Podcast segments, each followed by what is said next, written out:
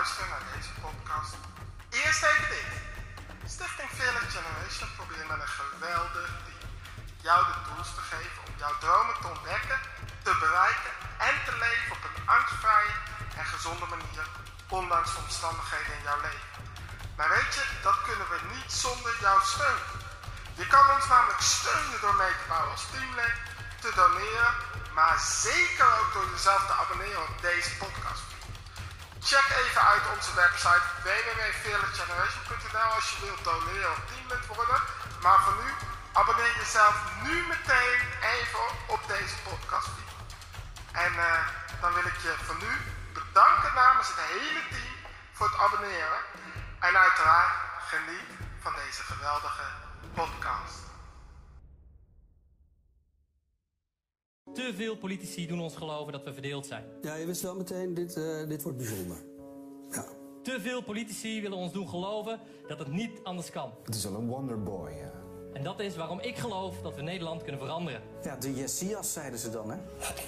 Ja.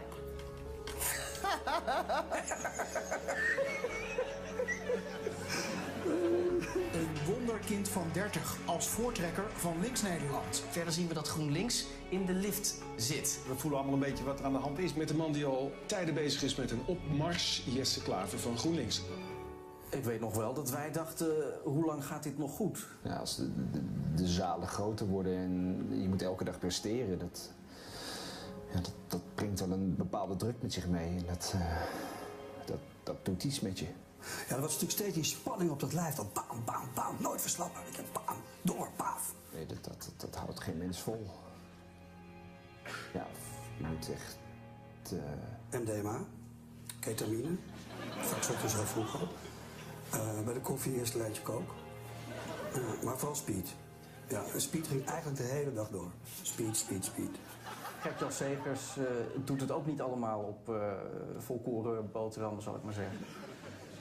Maar wat Jesse op een gegeven moment naar binnen joeg, dat was... eh, dat ging nergens meer over. Ja, je ging het merken in de campagne. was eh, minder scherp. Meneer Asje, hoe- of meneer, sorry, meneer Roemer. Het is, het is Ja, ik snap dat je een beetje vinden waar bent nou. Als je heel eerlijk bent, eh, hadden we daar al moeten zeggen van... eh, Jesse, dit gaat niet goed zo. Nee. Maar ja. Wat dan vaak gebeurde, had ik een hele speech geschreven. En hij loopt het podium op en begint gewoon willekeurige namen te noemen. Leon, Marloes, Arthur, Bas. Leon, Marloes, Arthur, Bas. Benjamin, Bianca. Bianca, Carla... E Evert? Benjamin, Bianca, Carla, Eva. Eva. En als je dan afloop aan hem vroeg... Jesse, die namen, wie waren dat? Dan zei hij... Heb ik het weer gedaan? Heb ik het weer gedaan? Was hij kwijt? Was hij het helemaal weg? Ik weet nog dat ik een keer eh, dat ik erbij zat en dat ik ook tegen Peter zei van... nou, laten we maar gaan klappen, want misschien dat hij dan ophoudt. Maar ja, dat ging maar door. Nee, nee, nee, nee, nee, zo makkelijk kom je niet meer van. Knuffelen? Veel iedereen willen knuffelen. Nee, er waren natuurlijk ook mensen die daar helemaal geen zin in hadden. Maar ehm, die mochten dan niet weg. Nee, Jesse bepaalt wanneer je weg mag. Nee, nee, nee, nee, nee, nee. Daarna ging hij echt een handtastelijke fase in. En ik denk dat we op dat moment bevriend zijn geraakt. Of even zoenen, maakt er niet uit wie. En dat ging ook wel verder dan zoenen hoor. Dat was, en ook als je erbij was, of juist als je erbij was eh, eigenlijk. Dat was een heel ongemakkelijke situatie, want wij waren eigenlijk de ongewenste toekijkers. Nee, is altijd die deur open. Ja, zelfs als hij daar met Peter van Dorenmalen zat. Peter van Dorenmalen, ja, verdomd. Ja, die was op een gegeven moment echt altijd. Ja. Jesse Klaver is wel de enige politicus die zijn drugsdealer consequent bij zijn volledige naam noemt, ja. Peter van Dorenmalen riep hij dan. eh, echt, het werd ook één woord, zeg maar. Peter van Dorenmalen. En dan eh, moest hij komen. Eigenlijk als ik hem dan weer op tv zie, dan zie je toch, dan zie je toch iemand die in de kern heel eenzaam is. Ja, alleen op het podium, hè. Dan, eh, dan leefde hij op. Op een avond als, als deze denk ik terug en ik zie... Nou, dit is puur toeval. Peter van Dorenmalen. Daar was Peter niet zo blij mee. Vrienden, we hebben vanavond meer zetels gewonnen dan we ooit in de Tweede Kamer hebben gehad. En dan is het opeens niet zo grappig meer. Ehm, Ja, dan besef je wel even, dit is geen spelletje meer. Dit, eh, dit hebben wij echt gedaan. Dat blijft een, een bizar idee. eh, dat deze gek nu gewoon in de Tweede Kamer zit.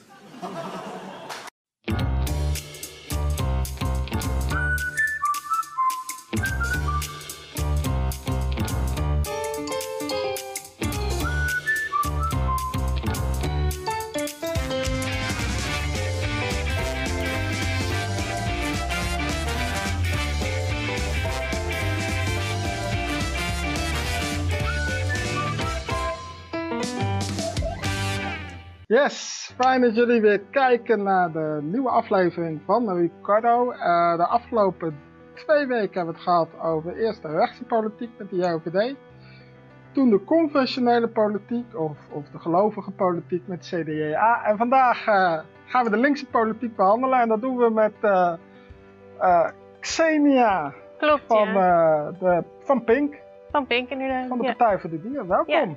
Dankjewel. Super tof dat je hier bent. Ja, super fijn dat ik hier mag zijn. Ja, eh, eh, laten we gewoon even bij het allereerste begin beginnen. Zoals Tante S vroeger altijd begon. Mhm. Wie ben je?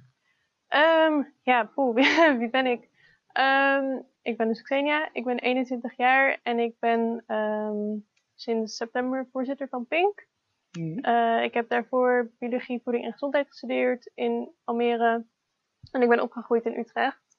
En hoe ben je zo bij Pink terechtgekomen? Want, Ehm, ja, mijn zusje is een klimaatstaker. eh, een van de eerste in Nederland. En die kwam toen in aanraking met een paar andere klimaatstakers. ehm, die bij Pink zaten. En toen is zij lid geworden van Pink. En toen ehm, was ik op zoek naar een, een stage voor mijn studie. En eh, ja, toen, toen dacht ik, oh, Pink is wel superleuk. Want ik wilde een plek die... ehm, ik was heel erg nieuwsgierig naar de politiek. Ik wist er eigenlijk niks van af. En eh, ik snapte er ook niet zo van. Tegelijkertijd wilde ik heel graag eigenlijk de wereld redden. Want ik me heel erg veel zorgen over klimaat en over dierenrechten, mensenrechten. Ehm, dus toen dacht ik, nou dan eh, ga ik stage lopen bij Pink. En toen ben ik er Ah. zo ingerold. maar is het dan ook zo, want laten we meteen even wat vooroordelen uit de weg ruimen. Ik bedoel, als je aan de Partij voor de Dieren en Pink denkt, dan denk je toch aan toch wel drie vooroordelen. Vooroordeel 1 zijn allemaal veganisten. Ben je Ehm, veganist? Ja, ik ben veganist. Oké, dus die kunnen wij afzetten. ja, nou ja, maar het is wel zo, we zijn, we zijn geen veganistische vereniging. Nee, Ehm, nee. Dus niet iedereen is veganist. Nee, oké. vegetariërs, hebben ook ehm, vleeseters. We hebben, we hebben op zich wel iedereen, maar het hoogste percentage bij ons is Ja, veganist. Twe- tweede vooroordeel is toch dat het allemaal, ja, ik wil zeggen drie V's, maar dat klopt eigenlijk al niet helemaal, maar dat het voornamelijk vrouwen zijn. Ehm, nou, ja, dit vind ik lastig. Ik weet natuurlijk ook niet precies de statistieken. Maar het is inderdaad, we zijn wel meer, overwegend meer vrouwen.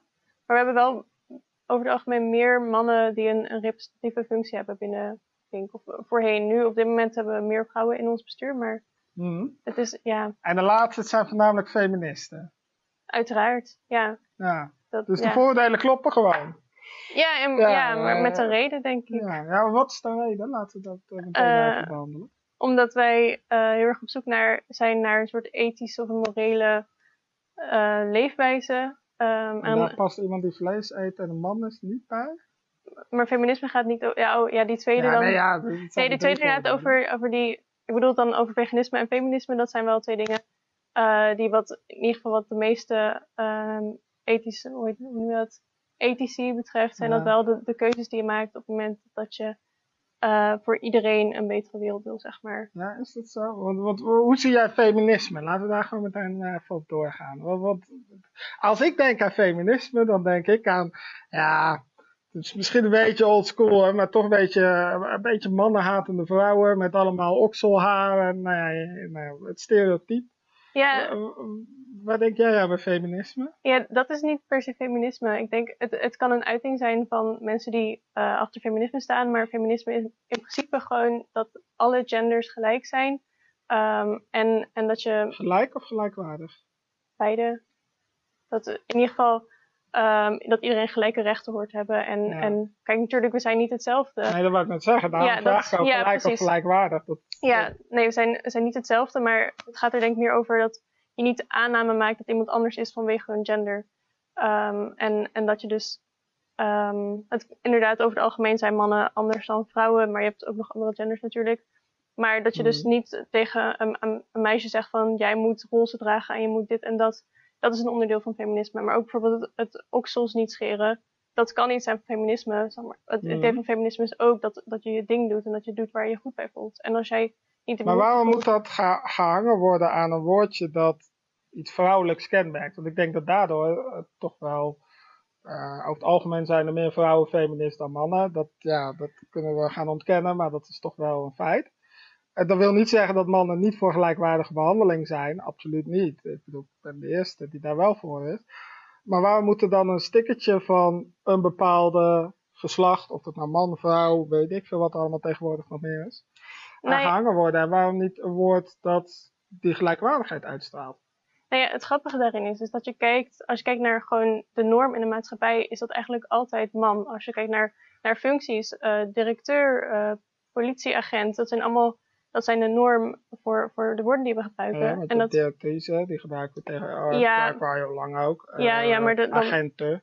ja, nee, nee, natuurlijk, maar uiteindelijk is de, de, de basisvorm is agent. En dan kun je er iets achter plakken en dat is dan de vrouwelijke vorm. Maar het zal nooit, het, het grappige is dat mensen het probleem hebben met het woord feminisme, dat vrouwen daarin eh, centraal staan. Ehm, is heel erg interessant, omdat eigenlijk normaal staat de man in, is in alles de norm.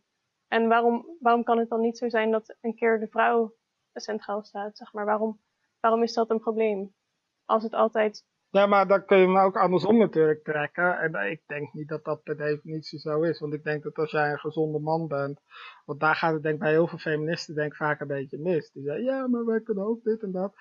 Maar ik denk dat een gezonde man dat nooit zou ontkennen. Die, die zou altijd zijn vrouw eh, daarin eh, stimuleren en ga ervoor en je kan dit en weet ik veel. Ehm, eh, ik, ik denk eerder dat de feministenbeweging zoals die nu is geworden niet is ontstaan doordat de maatschappij per se mannelijk is. Want dat vraagt me ook af, want als je naar organen zijn, dan gebruiken we heel vaak haar en, en veel meer vrouwelijke termen. Eh, Ja, maar dat is ook eh, problematisch, want op die manier obje- objectificeer je vrouwen weer. Door alles, alle, bijvoorbeeld Pink, als een vrouw zeggen, als je het hebt over Pink, haarvereniging, bla bla, dan heb, zet je het weer, maak je van een, een object, maak je iets vrouwelijks. ja, maar dus doe dat je is- bij mannen toch ook soms? Ja, maar dat Want zou jij dus bent toch ook niet een directeur? Dat is eh, je functie die je hebt. Dus je wordt ook tot iets gemaakt wat je misschien niet volledig bent. Het is iets wat je doet. Ja, Dus dat gebeurt aan beide kanten van het spectrum, toch? Nou ja, maar dan, dan ga je dus Op een andere manier, maar het gebeurt aan beide kanten van het spectrum. ik, ja, ik denk niet dat het met elkaar te vergelijken is. En ik denk sowieso, je gaat heel erg uit van die intentie van een gezonde man. Ja, nee, maar daarom Ehm, zeg ik, ik was er natuurlijk nog niet helemaal klaar. Maar ik denk dat het probleem niet is dat de maatschappij per se voor mannelijk, of de mannelijke term of de vrouwelijke term of waar ze worden gebruikt. Ik bedoel, mij part gaan we het gebruiken, boeit me allemaal niet. Ik denk dat het probleem veel meer is dat er ook mannen zijn die niet gezonde mannen zijn, die het op een verkeerde manier hebben gedaan. Net zoals er ook vrouwen zijn die dat hebben gedaan, maar dat, die zijn over het algemeen iets in de minderheid. En die hebben het verpest. Nou, dat, ik denk, we leven in een patriarchaat, hè. Dit is een, een samenleving die is eh, gemaakt en voor en door witte, hetero, cisgender, neurotypische mannen. En iedereen die buiten dat hokje valt, heeft automatisch al nadelen in de- dit systeem. Een voorbeeld is dat er in kantoren ehm, de temperatuur vaak op volgens mij 18 graden staat, wat voor mannen de, de ideale lichaamstemperatuur is, of voor omgevingstemperatuur. Maar voor vrouwen is dat 21 graden. Ja, maar Dus dan dat snap manier- ik. Maar dan het, op het moment dat je gezonde mannen daarop zitten, dan, eh, eh, om een voorbeeld te geven. Ik heb theologie gestudeerd. Eh, eh, mensen die haken vaak af op, op de S. Nou, er was laatst een S- gast van de SGP-jongen die zei: mannen zijn nog steeds hoofd van de vrouw. Ik snapte wat hij bedoelde. Het was niet helemaal eh, netjes geformuleerd. eh, want dat wordt vaak in het verband gebracht van je bent de baas. Maar als je dat, eh, om dat dan even als voorbeeld aan te halen, als je dat naar een verband ziet zoals het daar staat, dan staat er inderdaad, de man inderdaad het eindverantwoordelijke, maar, maar, tweede zin, als man moet je je leven geven voor je vrouw, want het is je lichaam, je moet goed voor de zorgen, oftewel je moet op handen dragen, je moet volledig voor de zijn. Wat ik daarmee wil zeggen, mijn punt is, als je dus in zo'n kantoor, die 18 graden die jij zegt, dat daar gezonde mannen aan het hoofd zijn, dan kijken ze heel erg om naar alle andere mensen die daar in het kantoor zitten. Hé, hey, ik heb heel veel vrouwen. Wat vinden jullie eigenlijk fijn welke temperatuur het hier is? Nee, maar dat is dus, dat, dat ben ik niet, dat zie ik anders dan. Ehm, want natuurlijk, misschien als je aangeeft dat zal het veranderd worden, maar het is ook, het is niet dat wij merken dat. Het, het zijn heel veel dingen die heel erg onbewust gaan. En waarvan wij dus eigenlijk allemaal. Ook vrouwen. Het is niet zo dat vrouwen dat dan allemaal perfect doen en dat mannen dat dan fout doen of zo. Daar, daar gaat feminisme ook helemaal niet over. Dat is wel vaak hoe het overkomt natuurlijk. Ja, maar dat is natuurlijk iets anders dan wat de beweging daadwerkelijk is. je hebt natuurlijk klopt. altijd, je hebt altijd mensen, dat zie je in, ook in het geloof, denk ik, dat je ziet dat iedereen draagt het anders uit. Maar uiteindelijk wat, wat de kern van feminisme is, is dat eigenlijk Mhm. dat we het patriarchaat, wat er nu dus is, dat we dat willen, ja, eigenlijk willen kapotmaken. Om te zorgen dat het dus, en dat gaat niet alleen over gender, dat gaat over, over veel meer. Dat gaat over neurodiversiteit, dat gaat over kleur, dat gaat over eh Maar moet je dat dan kapot willen maken? Of moet je, wat jij inderdaad zei, weer heel veel dingen gaan onbewust? Uh, op het moment dat je bewust wordt, nou, ik noemde net even die tekst die de SGP-jongeren lekker uit verband trekken. Het is jammer dat ook wel eens theologen kijken naar de filmpjes. Uh, maar weet je, moet je dan in plaats van dat kapot willen maken, niet juist die bewustwording brengen? Ja, dat- Want dan, dan reik je de hand. En op het moment dat je, wat heel veel feministen toch een beetje doen, is toch een beetje met de, de olifant in de kamer komen. Ja, en eh, eh, met een vuist naar binnen, ja, en dan gaan het vaak toch de stekelharen omhoog. En dan denk ik dat je eerder een aanvraageffect hebt. Nou, dat, twee dingen erover natuurlijk kapot maken, dat, dat is meer dat is spreekwoordelijk. Ik bedoel niet letterlijk Ja, dat we ja, dingen kapot maken. Ik heb meer inderdaad over bewustzijn en zorgen dat we dat patriarchaat ontbinden. En hoe we dat dan doen, dat betekent niet dat we alle mannen kapot gaan slaan of zo natuurlijk. Dat is, Mhm. Want dat is het ook. ehm, het gaat niet over mannen die iets verkeerd doen, maar het systeem dat inherent ehm, Nou, er zijn verkeerd is. veel mannen die het verkeerd doen. Ik ben ja. zegt, maar dat doen ze waarschijnlijk Tuurlijk, niet verkeerd omdat ze verkeerd zijn. Nee, maar, maar- omdat we in een samenleving leven waarin vaders bijvoorbeeld niet meer gezonde vaders leren te zijn. En vaders zijn wel belangrijk voor de opvoeding van een kind om een gezonde man of vrouw te worden. Ja, maar dat is dan een, een probleem, een, een systeemprobleem. Ehm, en, en dat is dus veel meer. Kijk, je kunt wel een man aanspreken op zijn individuele gedrag of een vrouw, want vrouwen Mhm. doen net zo goed aan seksisme ehm, of andere vormen van, van discriminatie natuurlijk. Ehm, maar uiteindelijk is, kun je niet iemand het kwalijk nemen dat hij in zo'n systeem is opgegroeid. Mhm. Net zoals ik, het is, ik ben wel feminist, maar dat betekent niet dat ik perfect ben in, in gelijkwaardigheid. Dat Ik ben wel niet- blij dat je dit zegt, want er Ja, zijn niet dat heel veel feministen waar dat zo overkomt. Nou, ik denk, ik denk dat dat ook een beetje is hoe we worden neergezet in de media. En dat is ook niet altijd een eerlijke Ja, hoe worden representatie. jullie zo neergezet? Om, eh, Hoe? ja, hoe worden jullie neergezet? Nou ja, zo- Eh, die- fe- feminisme, maar daarmee eigenlijk ook een beetje Partij voor de Dieren. Ja, dat is toch. ehm, ik denk dat het vaak ook. Bijvoorbeeld vrouwen worden heel vaak ehm, weggezet als dat, ze, dat we overreageren, overreacting, zeg maar. En ik denk dat dat ook. ehm, we worden vaak als boos en, en, en bedweterig en, en zeikerig worden we neergezet. Maar ook al die voorbeelden die jij noemde van stereotype feminisme. Mhm. Ehm, maar dat is gewoon niet hoe het daadwerkelijk is. En dat is ook als je kijkt. Maar hoe zou het komen dat jullie zo worden neergezet? Want ehm, ik zei vorige week, zei ik het tegen Tom ook, als, eh, toen ging het over Pieter Omzicht, als 100.000 mensen, als 100.000 mensen eh, zeggen van, eh ehm ehm nou ben ik heel erg met ding kwijt, van je, je bent een lul, je bent een klootzak, je bent dit. Dan kun je zeggen, ja, dat is vreselijk dat dat gezegd wordt. Klopt, is het ook. Maar aan de andere kant zou je ook kunnen zeggen, zit er niet ergens, misschien de manier waarop ze het zeggen is niet zo heel erg, eh, eh, hoe zeg je dat, Ehm, eh, genuanceerd. Maar zit er niet ergens een kern van waarheid in? En dan bedoel ik niet in de kern van wie je bent, maar in de kern van hoe je overkomt.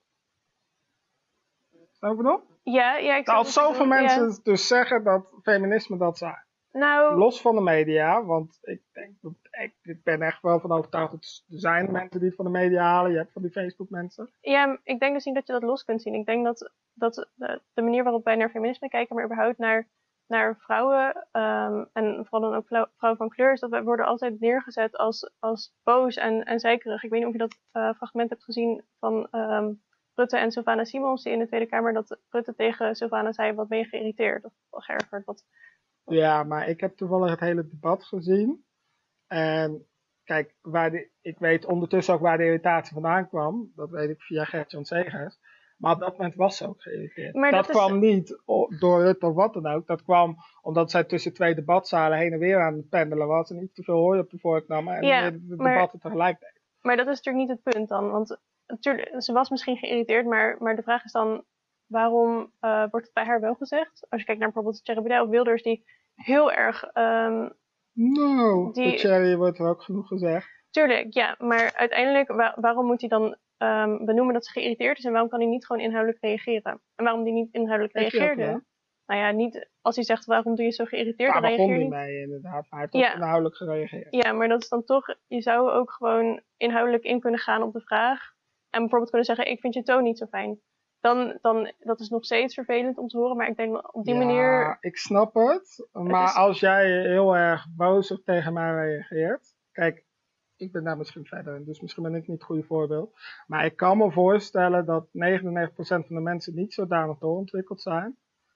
Dat ze eh, de alle nette psychologische manieren van hoe te reageren. Maar als minister-president denk ik dat je toch echt wel dat van iemand kan verwachten. Ja, nee, ik ken het een beetje. Dus ik eh, durf te zeggen dat die verwachting staat zijn. Ja, nee, ik ben het met je eens dat zeg maar, hij, hij stelt heel erg teleur. Maar het zou wel, je mag van een minister-president verwachten dat hij gewoon bepaalde capaciteiten heeft, bepaalde vaardigheden die hij duidelijk niet heeft.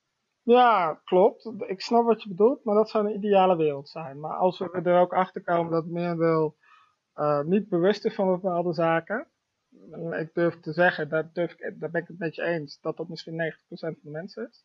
Meer, ja. Eh, en misschien wel meer, maar laten we heel, heel erg positief blijven. Voor hoever dit positief is. Dan eh, denk ik dat, dat als 90%, dat is natuurlijk niet alleen maar bij het volk, maar dan geldt het ook bij de leiders, zullen er 90% zijn. Ja, dan is het niet zo gek dat dat ook bij de minister-president zo kan zijn en bij nog meerdere mensen. Nee, het, is niet, Eh, niet gek, dus nee. misschien moet je, als je weet dat die bewustwording zo is, moet je juist de verwachting bij mensen ook lager leggen. Ehm, maar ik denk, het gaat ook Op niet dit over... moment, hè? Ja, maar ik denk dat het meer er ook, dat we dan het nu hebben over dat voorbeeld. Dat betekent niet dat, dat we dan Rutte daar ehm, vervolgens zeggen dat hij nooit meer, weet ik veel wat, zeg maar. We hoeven hem niet per se dan te straffen. Nee, dat nee, dat staat daar nee. los van. Maar, maar het gaat er natuurlijk wel over dat we iemand erop aanspreken. En op die manier juist heb je die bewustzijn. Want- Maar moet je iemand, eh, we gaan zo even naar een intermezzo, maar moet je iemand dan aanspreken op wat hij doet? Of Ja. moet je iemand juist helpen om bewust te worden van waar het daadwerkelijk misgaat? Want ik denk dat Maar het wat- niet wat is het- misgaat in hoe hij Sylvana ziet. Ik denk dat dat niet het werkelijke probleem is. Dat is is een symptoom. Maar wat is het verschil tussen iemand aanspreken en uitleggen waar het misgaat? Want ik Nou, denk kijk, dat op het moment dat ik. Stel jij eh, een voorbeeld. Laten we eens even een heel lang voorbeeld nemen. Nou, stel, jij komt uit een arm gezin en jij stilt elke week uit de supermarkt. Dan kan ik twee dingen doen. Dan kan ik jou inderdaad eh, eh, iedere keer nou ja, een soort van standje voor aanspreken op dat stelen. Kan. Ik vraag me af of dat uiteindelijk echt iets gaat oplossen. Of ik kan gaan kijken. Maar waar zit nou daadwerkelijk het probleem? Hé, hey, wacht, deze, deze meid komt uit een arm gezin. Die heeft geen eten op tafel, daarom gaat ze stelen. Dus ik moet ervoor zorgen dat datgene wat, wat creëert dat ze dat doet, dat dat met haar wordt opgelost. Hoe gaan we ervoor zorgen dat jij gewoon op een gezonde manier eten op tafel hebt? Ja, nou, ik denk, Waardoor het ik denk, gevolg is dat je niet meer steelt. Ik denk niet dat dat een, een perfect voorbeeld is, maar... Ja, ehm, ik kom het is, nee, nee, dat maar is je snapt mijn prima. punt denk ja, ik wel. Ja, maar ik denk dus dat ehm, het Rutte is ook echt wel eens uitgelegd waarom het problematisch is dat hij dat zei. Ik denk Ja. niet dat het, het... Tuurlijk waren heel veel mensen gewoon boos, maar ik denk ook wel dat er daadwerkelijk echt... Op het moment dat je iemand aanspreekt, ben je ook nadenken van... Oh, maar waarom zit, het dan, waarom zat ik dan fout?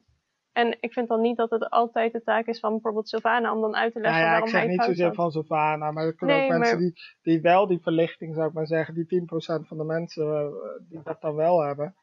Eh, er zijn heel veel mensen geweest die hem hebben aangesproken op zijn gedrag. Maar zijn gedrag is niet het probleem. Dat is dus de zichtbaarheid van het probleem. Het werkelijke pro- pro- probleem zit Ja, dieper. en ja. en daar, daar moet iemand met hem mee aan de slag gaan. Ja, maar ik Alles denk... los je het niet op. Ja, maar ik denk uiteindelijk is dat iets wat hij zelf moet gaan doen. Ik vind het, het is niet onze taak om... Kijk, je kunt iemand erop aanspreken en zeggen... Oh, hier heb je wat dingen Nee, om, om klopt. te leren. maar je kan wel, in plaats van iemand aanspreken op zijn gedrag, als jij het dieperliggende probleem ziet, wat dat ook mogen zijn, hè, daar ga ik nu geen uitspraak over doen. eh, in plaats van iemand aanspreken op dat symptoom, van hé, hey, ik zie dat je dit en dit en dit. Dus Ja, maar, die lagen ja, dieper gaan, zodat je daar die spiegel juist voor houdt. Ja, maar, maar ik denk niet dat dat het, het een en het ander uitsluit erin. Ik denk je kunt zeggen, yo, dit is problema- problematisch. En dan vervolgens, misschien door dezelfde persoon of door iemand anders. Ik denk dat dit er genoeg Mhm. mensen is aangesproken. Dan ook dus uitleggen, dit is de- het probleem wat je hebt. Ik denk niet dat, dat, dat het dan erg is om iemand er ook op aan te spreken. ik denk ook dat Rutte echt wel een beetje een duwtje nodig heeft om... eh, Ja, om- dit is Rutte, maar dat geldt natuurlijk Ja. bij meer mensen. We gaan Ja. er zo op door, want ik vind dit echt wel heel interessant. Eh, lieve kijkers, eh, die kamer hoor ik net in mijn oortje.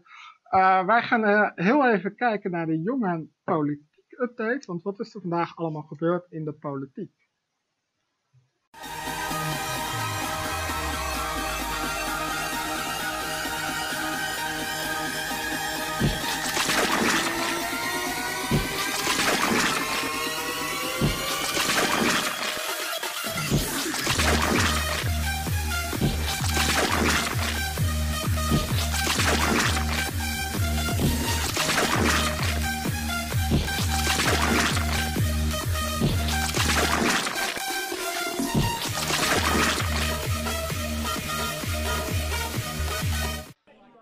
Ja, Ricardo. Ehm, ja, is in deze week aardig wat gebeurd. Er eh, was afgelopen vrijdag weer een coronapersconferentie.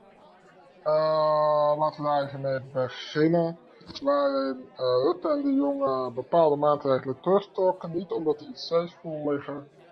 Maar vooral omdat ehm, de besmettingen enorm oplopen, waardoor Nederland eh, in heel veel landen ook weer op rood terecht is gekomen. Dat betekent dat eh, even ongeplaceerde evenementen, clubs, eh, dat soort zaken eigenlijk niet, eh, voorlopig niet meer mogelijk zijn. Horeca om 12 uur dicht moet. Eh, alles geplaceerd moet zijn, in ieder geval tot en met 14 augustus. Eh, dan zullen ze rond die tijd een nieuwe persconferentie houden. Eh, morgen zal daarover een coronadebat zijn. Ze dus speciaal vanaf, vanaf het reces eh, in, het, eh, in de Ridderzaal, dat is een van deze panden, eh, hebben speciaal nog even ruimte vrijgemaakt daarvoor. Ehm, goed gesproken, de komende tijd is de verhuizing bezig van de Tweede Kamer. Dan gaan we uh, het uh, ministerie van Justitie en Veiligheidsgebouw. Daar uh, wordt de Tweede Kamer opnieuw opgebouwd. En wordt alles hierachter wordt, ja, wordt eigenlijk verbouwd. Dus best wel een spannende periode. Ehm, ja, nou ja, goed, we hebben het aan het begin van de uitzending al een beetje gehad. Peter R. de Vries, ja, we, we hebben daar eigenlijk nog niet heel veel uh, uh, informatie over. Uh, maar mocht het zo zijn, dan, ehm, ja, dan, zullen we daar natuurlijk aandacht aan besteden in een bijzondere manier. Laten we hopen dat dat goed komt. verder GroenLinks CDA, daar zijn de rapporten binnen van wat er is misgegaan. Bij GroenLinks zit hem vooral op dat ze een verhaal niet konden vertellen. Dat het niet helemaal met een uiting is gekomen. En dat ze te veel streefden naar de macht. Uh, dat zet Jesse Klaver met GroenLinks, als hij het leiderschap wil behouden, natuurlijk wel in een lastige situatie. Hij kan eigenlijk hoe dan ook PvdA niet loslaten, want anders bevestigt hij juist het rapport. En dan is opstappen eigenlijk de enige optie. Nou, bij het CDA, CDA is natuurlijk het grootste deel natuurlijk al een beetje naar buiten gekomen. Nou ja, we zitten vooral te wachten op het, uh, nou ja, het geweldige congres wat er in september aankomt. Uh, hoe dat dan gaat met de stemmingen en de situatie. Uh, maar we kunnen tot nu toe denk ik wel concluderen dat Wopke Hoekstra niet de beste leider is van het CDA. nou, verder is er vooral, heel veel recess hier. Dus uh, ik weet trouwens ook niet of ik er volgende week ben. Want als het toch een reces is, ja, dan kan ik hier wel gaan staan. Uh, maar ja, dan zullen waarschijnlijk de bulldozers achter mij al uh, gaan. dus ik denk dat ik er volgende week niet ben. dat de jonge politiek update even pauze is. Tenzij er zoiets ernstigs gebeurt dat politici van het reces terugkomen. Uiteraard zijn wij er dan ook weer. Dus uh, we gaan weer terug naar jou. En ik ga voor de laatste keer eventjes nog even een drankje doen met Marieke van de Zilver. Later. De jonge politiek update. Ja, ja, ja, ja, ja. genoeg gebeurd. Anderhalve week geleden Peter R. de Vries. Ja. Waar was jij toen het gebeurde? Um, ik was bij mijn vriend. En ik, ik was net, ik was de hele dag in de Tweede Kamer geweest. En ik, ik hoorde dat, ik was best wel... Omdat je dan al zo dicht in de politiek zit of zo, dan, Mm. ja, dan komt het wel extra dichtbij. Voor mijn gevoel kwam het extra dichtbij Ja, daardoor. voor mij ook inderdaad. Voor ons, eh, ja, we zijn natuurlijk ook media. Ik moet wel zeggen dat ik wel een beetje vond eh, dat eh, iedereen meteen wel op persvrijheid ging gooien. Terwijl ik denk, ja, volgens mij moeten we ons nu veel meer op Peter focussen. De Eh, van ja, dit is een aanslag op de rechtsstaat en persvrijheid. en Eh. dat zou misschien wel zo zijn, dat is iets voor later. Of niet, dat weet ik niet, dat zien we dan wel weer. Eh, maar volgens mij moeten we op het moment dat het gebeurt gewoon even focussen op het slachtoffer. En, eh, ja, en eh, al die filmpjes die werden rondgestuurd, ja, dat vind ik ook schandalig. Ja, ja, dat kan echt Ik bedoel, niet. dan kunnen mensen wel zeggen, ja, maar het is een social media tijdperk. Maar Ja, een beetje respect kan er toch in onze generatie wel zijn. weet je. ja, ja. Ik snap ook niet goed waarom mensen dat zo graag willen zien of zo. Dat, eh, Maar goed, het is ondertussen zes. Wanneer denk jij, ik vraag aan al mijn gasten, wanneer denk jij dat de, we eindelijk een nieuwe regering hebben? Ehm, ja, dat is een Ga je er niet op afrekenen? Maar... nee, dat hoop ik niet. Nou, ik denk eh, ja, misschien oktober of zo. Ik denk dat na het reces hebben ze een beetje kunnen nadenken en dan kunnen ze daarna weer ja, verder. Maar ja, ik heb echt geen idee. nee, het, eh, het, het is allemaal leuk en gezellig. Laten we hopen dat ze wat aan de vakantie hebben. Ja, ja. Ehm, als het toch over politiek en dan hadden we het al een beetje over het imago, weet je wel. Imago van, van feminisme en eh, veganisme, Pink, Partij voor de Dieren. Ehm, hoe? Toen Partij voor de Dieren startte, Mar Marianne Thieme, weet je wel, ze heeft een dagadventist, eh, puur voor de dieren staande. Toen hadden ze nog niet het imago wat ze nu hebben, wat we net een beetje over hadden. Eh, Hoe is dat zo gegroeid, als jij er zo naar kijkt? Voor Eh. jullie mama, maar ook voor jullie. Jullie ja, profiteren er mee van, maar soms hebben we er ook vast last van. En dan heb je het over het imago van, Partij voor de Dieren, Pink. ja, van feminisme. Ja, binnen je, ja, dat dat daarin is geslopen, dat Mm. negatieve imago erover vooral. Want dat was het niet bij het begin. Het begin was het gewoon een getuigenispartij die voor de rechten van dieren stond. Ja, nee, ik moet zeggen, ik, eh, ik was volgens mij toen zes of zo. Dus ik moet zeggen dat ik niet helemaal weet nog hoe het op dat moment was. Maar ehm, ik denk Heb je dat... het nog meegemaakt dat er een ander imago was van de Partij voor de Dieren, Ehm, nou, ik merk dat het nu op dit moment wel echt aan het veranderen is. Dat, dat merk ik wel. En waar Ehm, merk je dat aan? Want, naar wat toe? Ehm, nee, kijk, wat, wat ook, want je vroeg hoe, hoe dat is gekomen. Ik denk wat, wat je heel erg ziet, we hadden eerst eh, twee zetels in de Tweede Kamer. Mhm. Dan heb je maar, ja, maar twee mensen die dus expert kunnen zijn op bepaalde onderwerpen. Want het is niet zo dat je even een krant, krantartikel leest en je weet genoeg om, om te debatteren in de Tweede Kamer. Je hebt natuurlijk heel erg veel achtergrondinformatie nodig. Mhm. Ehm, dat gaat echt niet zomaar. Ehm, dus je kunt dan maar op een paar onderwerpen kun je focussen. En ehm, op het moment dat we groeien, aan het, nu, ja, we zijn nu aan het groeien, we zijn al denk ik eigenlijk aan het groeien, merk je dat er gewoon meer ruimte is voor meer onderwerpen en ook dus een, een bredere blik op onderwerpen. Mhm. En ik denk dat dat er wel heel erg voor heeft gezorgd dat we nu ook dus ja, eigenlijk steeds meer ehm, andere onderwerpen ook kunnen bespreken. En daarnaast denk ik ook wat mensen vaak niet zo goed ja, snappen, ehm, is dat wat heel erg ehm, het doel van Partij voor de Dieren is, eh, systeemverandering. Dus Mhm. het gaat er niet over dat we gewoon de, gewoon de bio-industrie willen stoppen. Of natuurlijk ook. maar het gaat er echt over dat we het hele systeem omgooien. Omdat het systeem wat we nu hebben, dat werkt niet. Ehm, Daar ben ik het helemaal mee eens. En ik kan me ook echt van heel veel standpunten vinden. Alleen wat ik zo jammer vind. eh, Kijk, wat ik, laat ik eerst beginnen met wat ik mooi vind aan, aan jullie. Is, eh, en, en Jesse deed dat vier jaar geleden ook. Nou gaat hij nu waarschijnlijk keihard het schip in. Is dat jullie heel principieel zijn. Dat vind ik iets super moois. Dat zouden meer partijen moeten doen. Eh, eh, dus dat is iets super moois. maar het heeft tegelijkertijd ook wel een keerzijde. Ehm, ehm, jullie zijn zo principieel op nou, bijna alle punten dat het bijna, dat het, nou, ik wil niet zeggen onmogelijk, maar dat het heel lastig is tenzij je zo groot wordt om daadwerkelijk iets voor elkaar te krijgen in, in het politieke landschap. nou, ik denk. Ik En dan natuurlijk zullen mensen heus wel wat cherrypicken bij jullie, maar die zullen het altijd een, een PvdA GroenLinks gaan het altijd iets meer afzwakken dan hoe jullie het zien. Omdat jullie Ja. een echte complete verandering willen, wat ik super goed vind, want daar ben ik ook voor. Eh, dus ik, ik mis soms een beetje de middenweg, waar jullie, waardoor jullie toch een beetje op die flanken blijven hangen. In dit geval de linkerflank een beetje, uh, zullen we maar zeggen.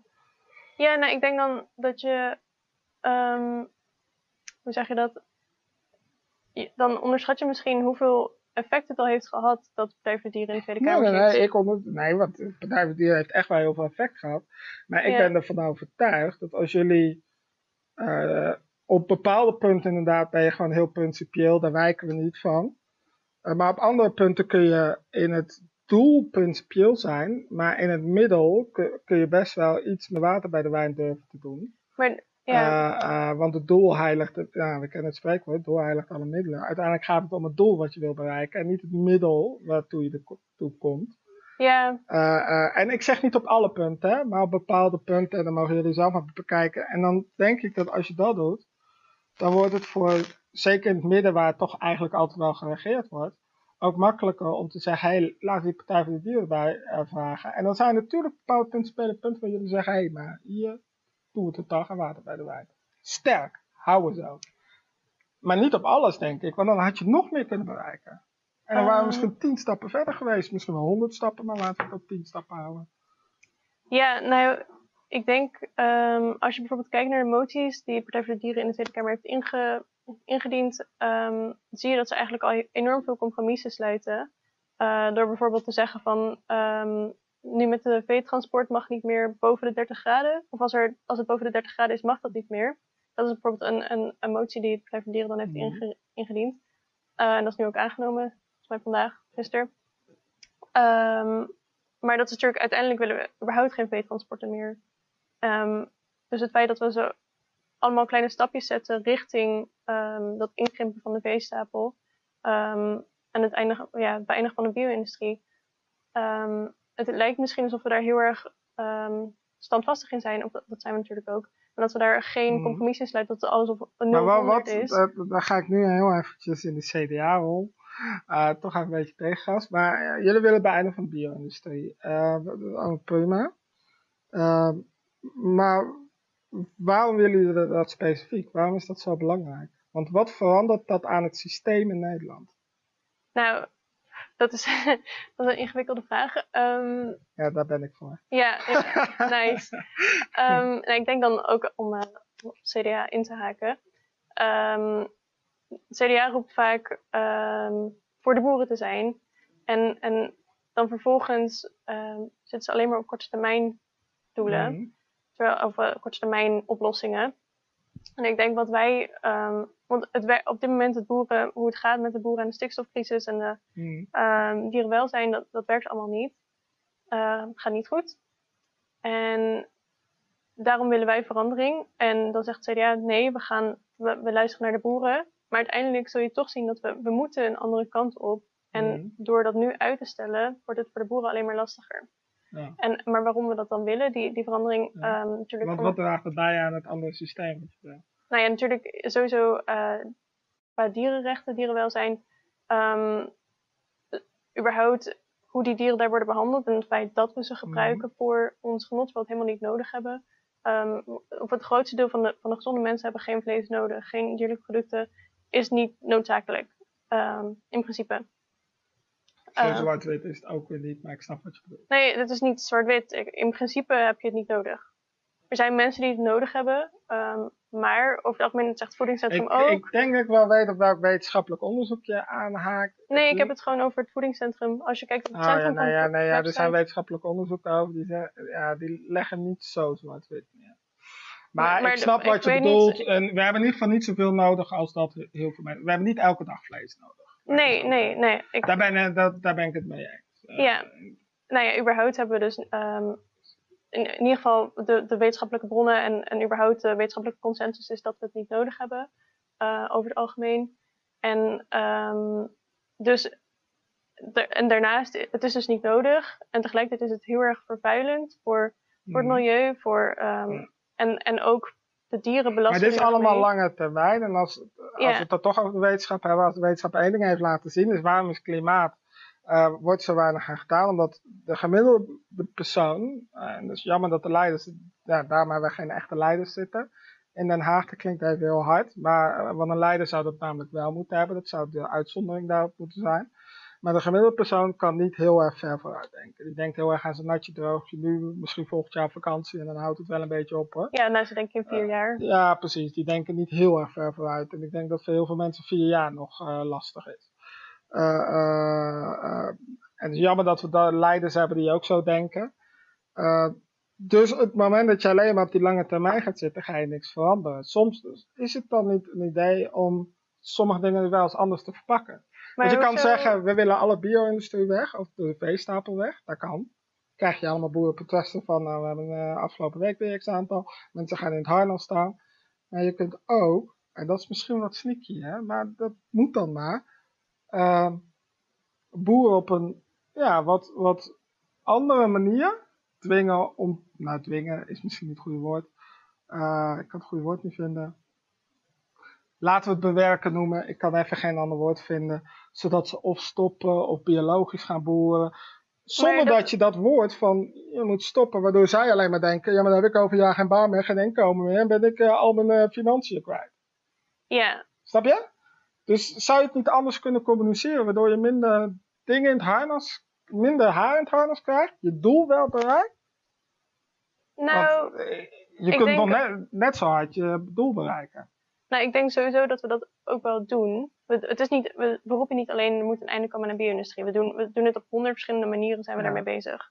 Um, en daarnaast... Maar dat is toch wel het meest beklijft, omdat dat uiteindelijk toch wel het meest wordt gezegd. Ja, ja maar ik denk juist dat, dat er zoveel weerstand komt, is juist een teken dat, dat het werkt aan het doen zijn en dat mensen het horen. En dat mensen, die, die verrichting in de samenleving is nodig om die verandering te krijgen. Je gaat, als, als, er niks, als er geen reactie komt op wat je zegt, dan, dan werkt het niet. Ja, daar ben ik het mee eens. Maar dat wil niet zeggen dat je per se, uh, want je wil uiteindelijk wel, zeker als leiders, wil je dat mensen met je meegaan. En als ja, mensen zoiets dat... hebben, ja, maar ik ga jou niet volgen, dan kan je heel veel blijven roepen, maar dan komt die verandering alsnog niet. Ja, maar ik denk dan als je kijkt Dus je naar... kunt dat wel eens noemen, daar ben ik het mee eens, maar je kunt ook zeggen, weet je, we noemen het één keer in de vier jaar met onze verkiezingscampagne.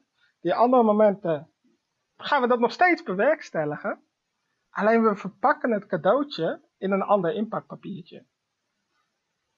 Nou, kijk, als je kijkt naar, naar hoe we groeien. In, in uh, 2006 hadden we twee zetels, als ik het goed zeg. Uh, inmiddels hebben we zes. jongeren inderdaad, denk ik, veel gaan stemmen. Nou, het zijn niet alleen jongeren, maar um, ja, inmiddels hebben we zes. Bij Pink wel inderdaad, maar als je kijkt naar gewoon onze stemmers, of de stemmers van Partij voor de Dieren, voor Partij voor de Dieren, um, we zitten inmiddels op zes zetels. En in de peilingen staan we nu weer op acht zetels. Ja. Dus het is niet zo dat, dat jullie we hadden met jullie partijprogramma, waar jullie voor staan, als jullie het iets anders hadden gecommuniceerd, ben ik van overtuigd dat jullie nu op 25 zetels kunnen staan. 100% overtuiging.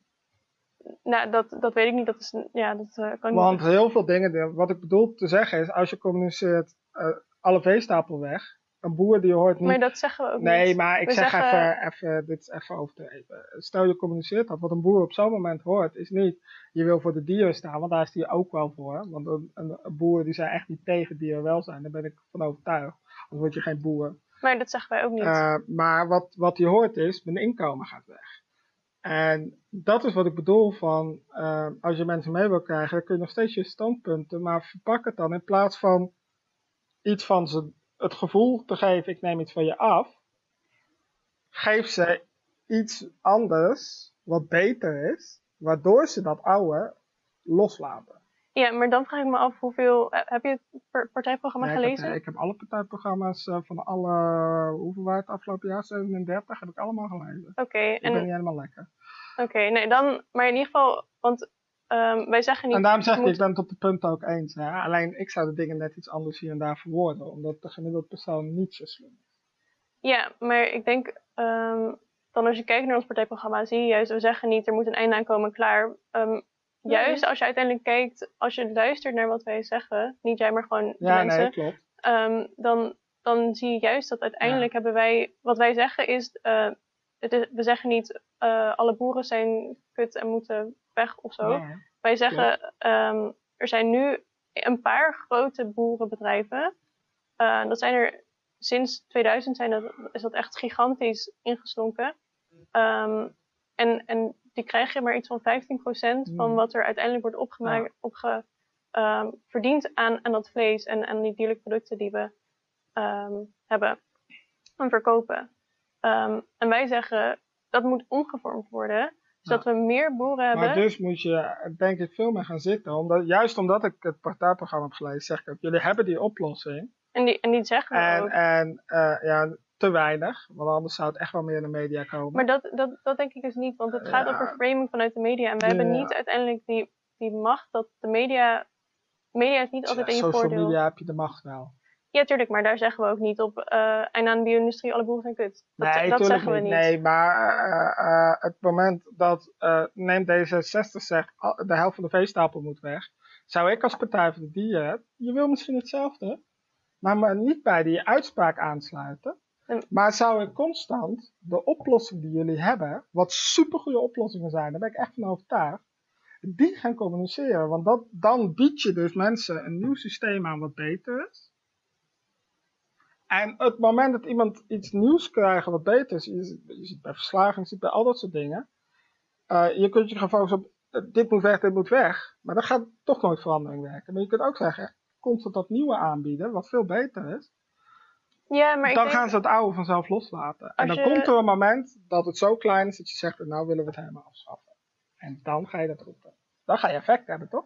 Nee, ik denk dat, het feit dat wij roepen ehm, dat er een einde moet komen, ik denk dat dat al heel erg veel ehm, weerstand heeft ge- en weerstand en dus Ja. ook promotie heeft eh, ervoor gezorgd. Mensen kennen ons wel en ze horen ons wel.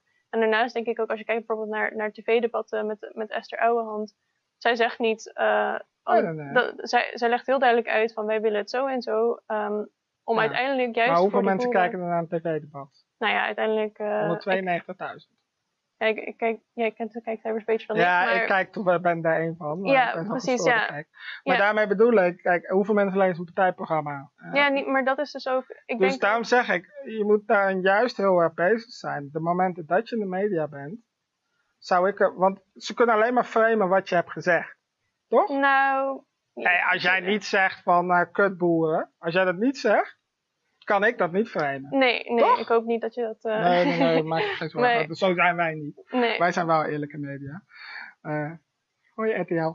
Nee, maar, nee, maar dus het moment dat je, als je weet dat de media framet, en dat is wat ik dus bedoel te zeggen, als we het toch over imagoproblemen hebben, moet je dus juist heel erg bewust zijn welke dingen je wel en niet zegt. En dan zou ik sommige dingen juist even niet zeggen. Ja, maar ik denk dat. Zeker als je de oplossing hebt, want die hebben jullie. Jullie hebben oplossingen. Heel veel partijen hebben geen oplossingen, die kunnen alleen problemen benoemen. Benoem dan juist die oplossingen en ga je daar. Want dat wat is kunnen ze dus- nog framen? Heb je, Dan gaan ze oplossingen uit je verhaal halen. Nou, prima toch? heb, je, heb je, volgens mij woensdag was dat, heb je dat debat tussen eh, CDA en, of het was een commissievergadering tussen CDA en, en Partij voor de Dieren, Ja. waarin eh Partij voor de Dieren een, een tal van oplossingen, concrete oplossingen aanbood en CDA vervolgens zei, ik hoor geen oplossingen.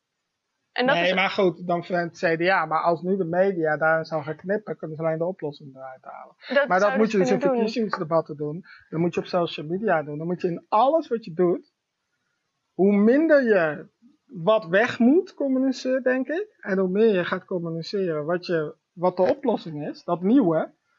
Ja, wat gaan ze framen dan? Nou, dan gaan ze knippen en dan komen alleen die oplossingen naar boven. Lijkt mij. nou, maar dat, ja, ik, kan in dat een verhaal met oplossingen gaan knippen, maar wat krijg je naar boven dan? Nee, maar ik denk als je bijvoorbeeld kijkt, dan vindt het media vindt het een stuk leuker om ons neer te zetten als klimaatgekkies die, eh, die Mhm. zeuren over eh nietjes in bomen dan over eh, alle oplossingen die we aanbieden. Nee, dat, dat, is, klopt. verkoopt maar dat niet. is wel natuurlijk, en dan gaan we naar de kolom toe, maar dat is wel natuurlijk ook een beetje, omdat jullie ze een beetje die stok geven.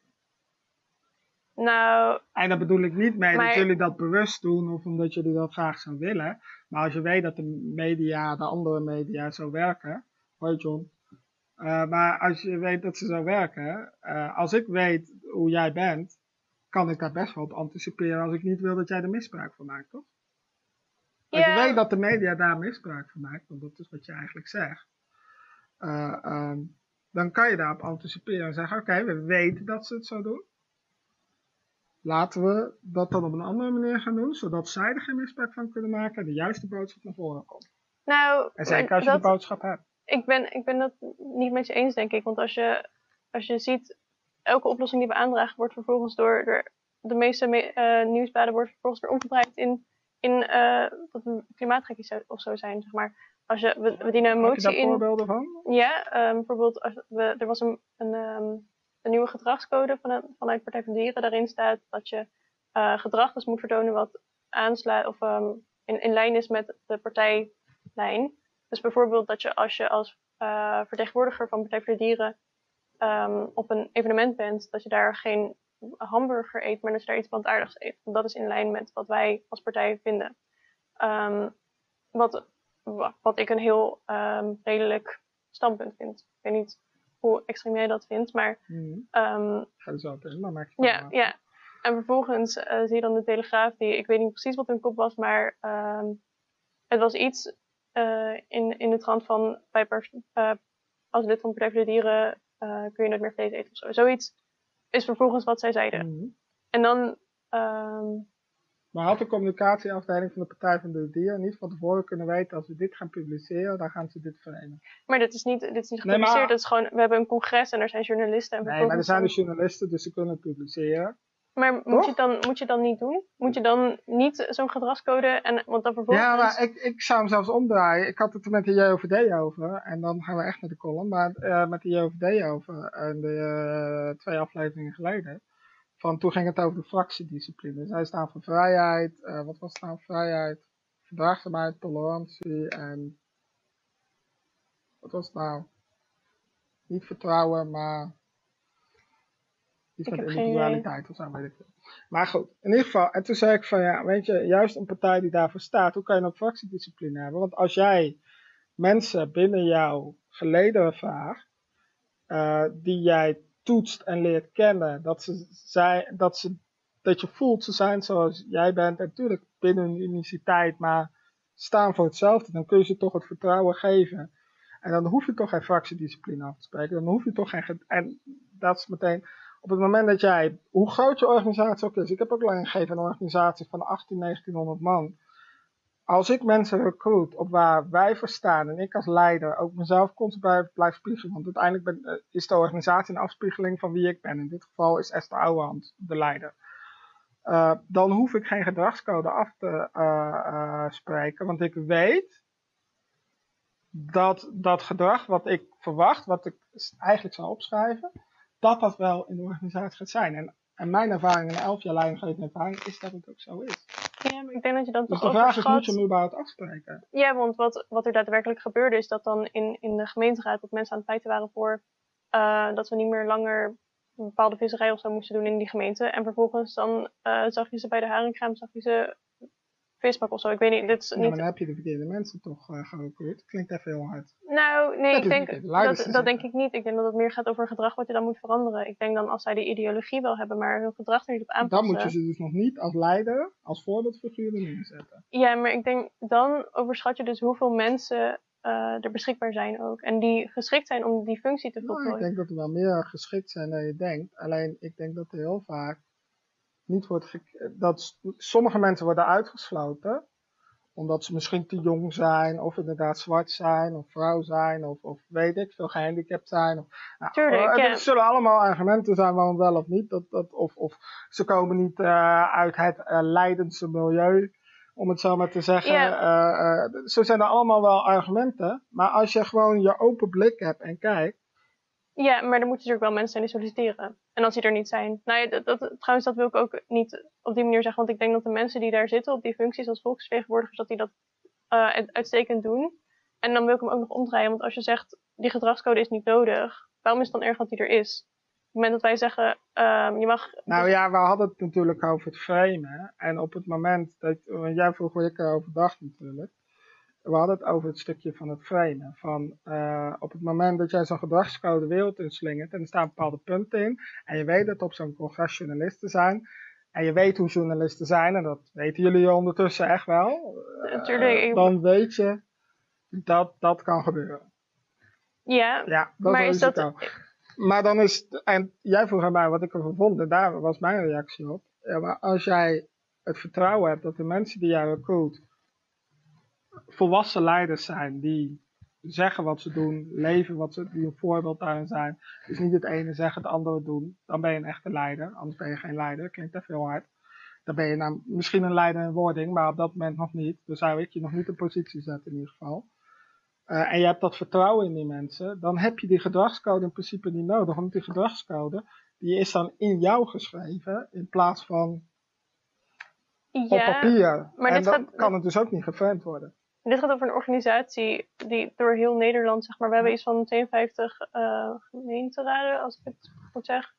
Ehm, ik denk dat je dan toch een beetje overschat wat je dan voor effect hebt op Ja, die mensen. maar ook dan, eh, ook dan kun je nog steeds.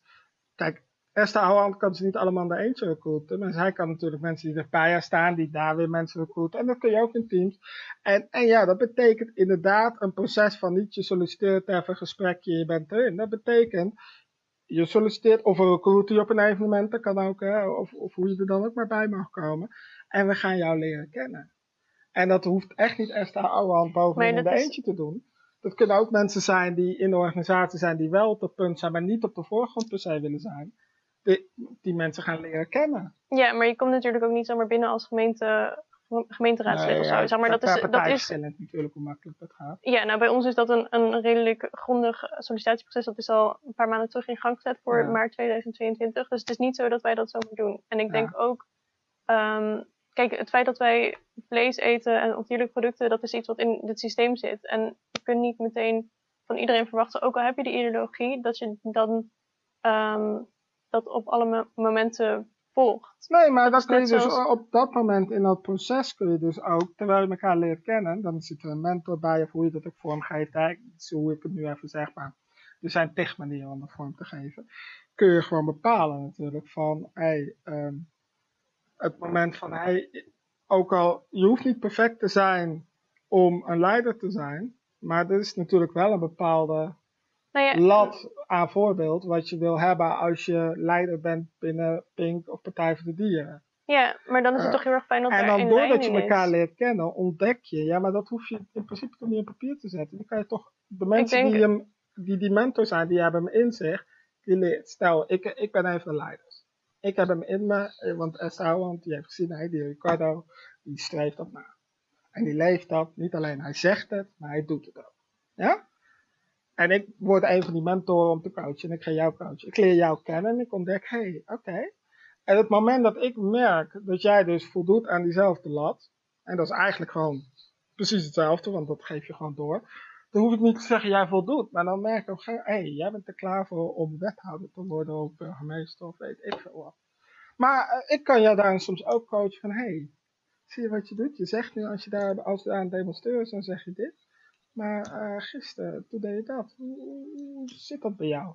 En dan kun je dus daarna gewoon die gesprekken aangaan om ook die bewustwording te creëren. Ja. het kost iets meer tijd en moeite, maar ik denk dat je daardoor wel sterkere leiders binnen je organisatie krijgt. Nou ja, maar ik denk dan, wat nu die gedragscode vooral zal doen, is eh, mensen dat laatste zetje geven wat ze misschien nodig hebben om, om uit die gewoonte te komen. En, en daarnaast denk ik dat dit een gedragscode is die inderdaad voor 90% of 99% van de tijd een beetje, of in dit, dit punt van die gedragscode, dat dat een beetje eh, overbodig is, omdat de meeste mensen dat al doen. Ehm, maar ik denk dat het wel ook een goed signaal is naar de hele, ehm, naar alle leden en, en al onze volgers ook van, dit, is on, dit zijn onze standpunten en die leven wij ook na. En ik denk dan ook juist, en dan is inderdaad de Maar telegraaf dat zouden dat dan... niet weten zonder gedragscode. Nou, waarschijnlijk ook. Maar ik denk dat je op deze, op deze manier dus, heb je wel een extra sterk punt daarin. Maak je. En kijk, natuurlijk zegt de Telegraaf, die framet dat dan als Oké, we gaan zo door even op het framing en het imageprobleem. Ik heb nog wat andere vragen, maar we moeten nu echt even naar de column, want Rico staat te trappelen. Dus eh, lieve kijkers, we gaan zo even door, maar we gaan even kijken naar de column van deze week. Schatje, kom even. Kom even. Deze column moet jij doen. Wat? Oké. Ah, ik zie het probleem al. Het probleem is niet het gebrek aan vrouwen, maar het gebrek aan echte mannen. Wonen we in een patriarchaat of wonen we in een mannenloze samenleving? Xenia en Pink zijn overtuigd van patriarchaat. Mijn broer Ricardo kan zich daarin vinden, alhoewel hij een ander probleem ziet. Weet je, ik ben het er niet mee eens. Hoor je dat schatje? Ik ben het er niet mee eens. Want een patriarchaat is een maatschappij waarin vaders een dominante rol aannemen.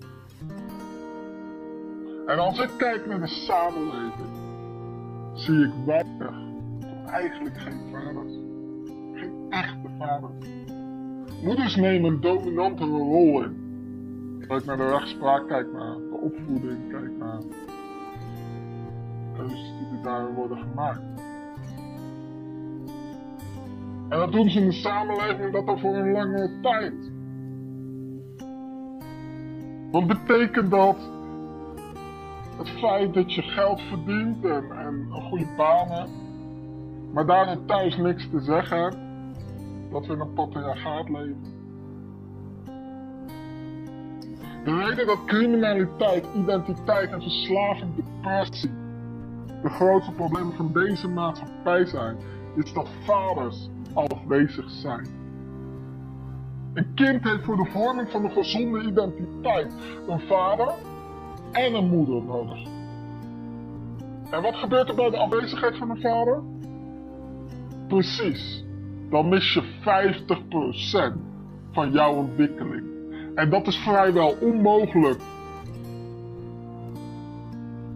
om 100% jezelf worden. We leven dus niet in een patriarchaat. Feminisme moet niet strijden voor vrouwenrechten, maar voor gelijke waardigheid tussen man en vrouw. Maar geen gelijkheid. Want verschillen voegen iets wezenlijks toe aan deze maatschappij.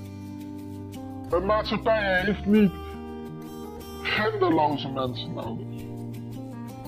Maar hij heeft mannen nodig die echte mannen zijn en vrouwen die echte vrouwen zijn. Want anders verlies je het beste van beide werelden. Wat mij betreft leven dus in een materiaal Maar ook dit vind ik geen goed idee. Het zou het een idee zijn om in een Retaria-gaat te leven. Samenleving waarin moeders en vaders samen in het hand staan. Vanuit hun unieke kenmerken, talenten, krachten en verschillen. In plaats van een van deze twee. Schatje, kom je nu eindelijk? Ja, dat was de column. Uh, maar wij waren nog even uh, in gesprek. Uh, mooi gesprek. Ehm, even, even een beetje van de framing weg. Um, we hadden het in het begin een beetje over de vooroordelen. Um, nou, snappen we dat jongeren wat meer van het klimaat zijn, want het is hun toekomst en dat snappen we allemaal. Maar als we op de korte termijn kijken, um, wat, wat, wat, betekent ping, wat betekent, kan pink betekenen voor jongeren? Um, mooie vraag. Waarom zou je lid worden van jullie? Nou, waarom niet? Um, nee, ik denk. Ja, ja, nou, daar geef ik liever geen antwoord op. Um, nee, ja, ik denk Pink staat voor verschillende dingen. Uh, aan de ene kant zijn we natuurlijk een, een vereniging waarbij um, eigenlijk bijna iedereen van ons dezelfde idealen heeft. Um, en wat ik zelf, hoe ik binnenkwam bij Pink, ik, ik, was, ik maakte me zo erg zorgen, wat ik al eerder zei, over klimaat, over dierenrechten, mensenrechten. En ik voelde me daar heel erg alleen in. Ik was, in mijn omgeving was ik eigenlijk naast mijn familie, was er niemand die uh, die dat, diezelfde zorgen had. En dat vond ik heel erg lastig. Um, dus het is een beetje een edel praatgroepje van mensen die hetzelfde vinden en zich uh, niet meer alleen voelen.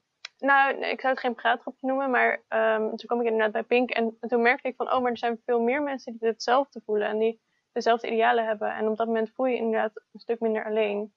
Um, omdat je gewoon mensen hebt, want je bent daadwerkelijk ook niet meer alleen.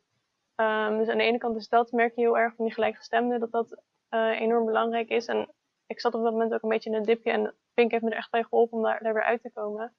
Um, en, en, daarnaast zijn we ook, um, je, kunt, je kunt in het bestuur gaan, afdelingsbestuur, uh, dat is heel erg laagdrempelig, voor zover ik weet. En dan kun je op die manier dus al ervaring opdoen voor Maar er zitten een bijvoorbeeld... jongen te kijken, waarom zou ik los van, oké, dus als ik iets met het klimaat heb en ik wil me niet alleen voelen, dan ga ik bij Pink. Is dat de enige reden? Waarom zou je bij Pink gaan? Nee, omdat je dus... ehm, En niet bij de JOVD of het CDJA? maar ehm, even er van de afgelopen twee afleveringen te pakken. Niks Ehm, tegen dwars of de JS of eh, de Jonge Democraat of de JFVD of iets even allemaal natuurlijk. Ja, nou ja, ik ken natuurlijk niet hoe hun... eh, ik weet niet hoe hun intern klimaat is, maar in ieder geval wat ik weet van Pink is dat... Ja, nou ja, wij zijn... Dat, dat hebben wij ook. We zijn heel erg gezellig, maar ik denk dat het toch Ik ben er zijn... wel eens geweest in Rotterdam.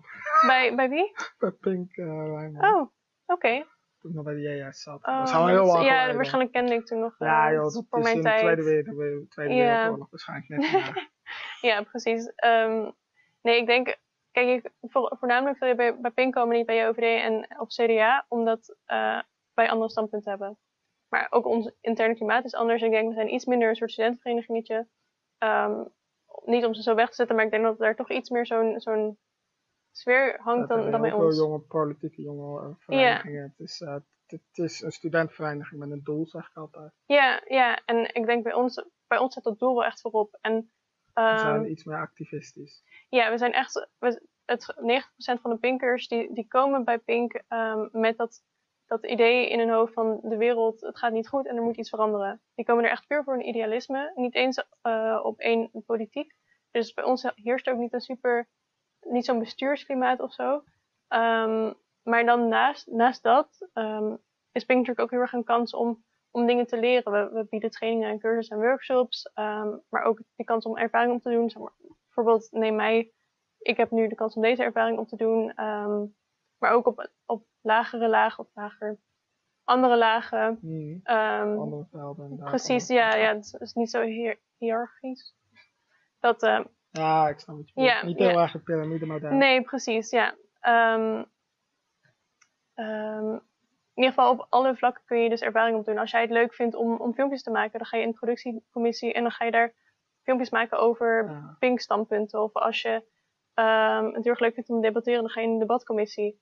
En zo bieden we dus voor iedereen eh, iets aan om, om te leren, om ervaring op te doen, om, om het leuk te hebben. Het is veel meer een soort eh, activistisch opleidingsinstituut. Kan ik dat zo een beetje...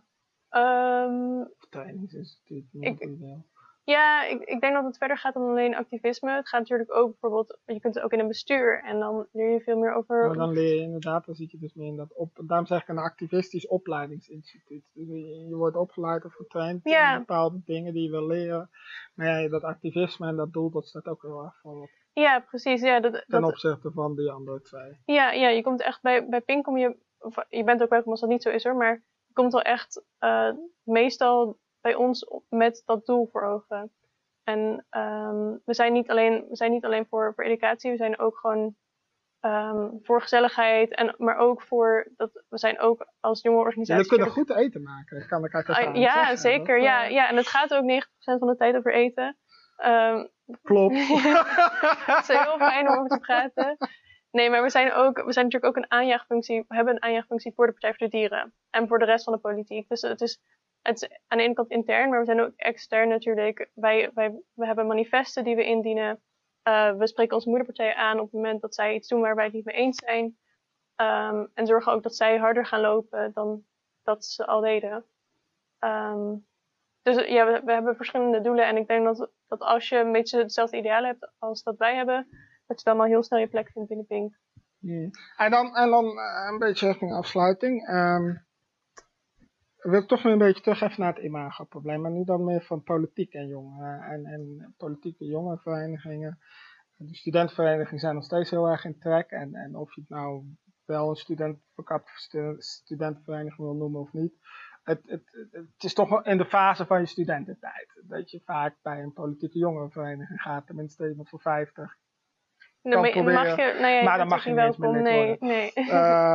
Ik vind het een beetje, een beetje discriminatie. Nee, nee, nee. Maar goed. Ehm, hoe, hoe komt het dat op een of andere manier dat de politiek niet heel erg in trek is bij jongeren die wel maatschappelijk geëngageerd zijn? Zie Black Lives Matter, zie klimaatactivisme. Nou, eh wat hebben we nog meer? Nou, er zullen nog wel examples zijn die ik nu even niet voor de geest. En toch heeft, de gemiddelde jongen zoiets van, ja, flikker toch even op met de politiek. Terwijl dat is de plek om dingen te veranderen. Ja, nou ja, ik weet het natuurlijk ook, ik ben geen wetenschapper of expert Nee, of zo, maar in ieder geval mijn, mijn, eh, mijn visie erop is dat als je kijkt naar de politiek, als je kijkt naar de Tweede Kamer, zijn het voornamelijk, en dat is nu aan het veranderen, maar dat zijn eigenlijk bijna altijd voornamelijk eh, witte mannen geweest van middelbare leeftijd.